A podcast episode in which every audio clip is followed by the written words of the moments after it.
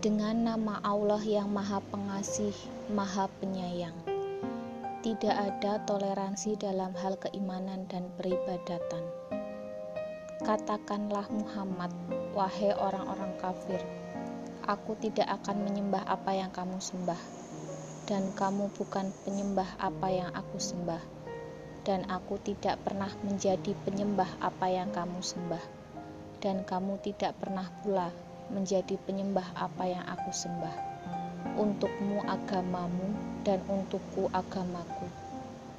Surat Al-Kafirun Orang-orang kafir Surat ke-109 Makiyah 6 ayat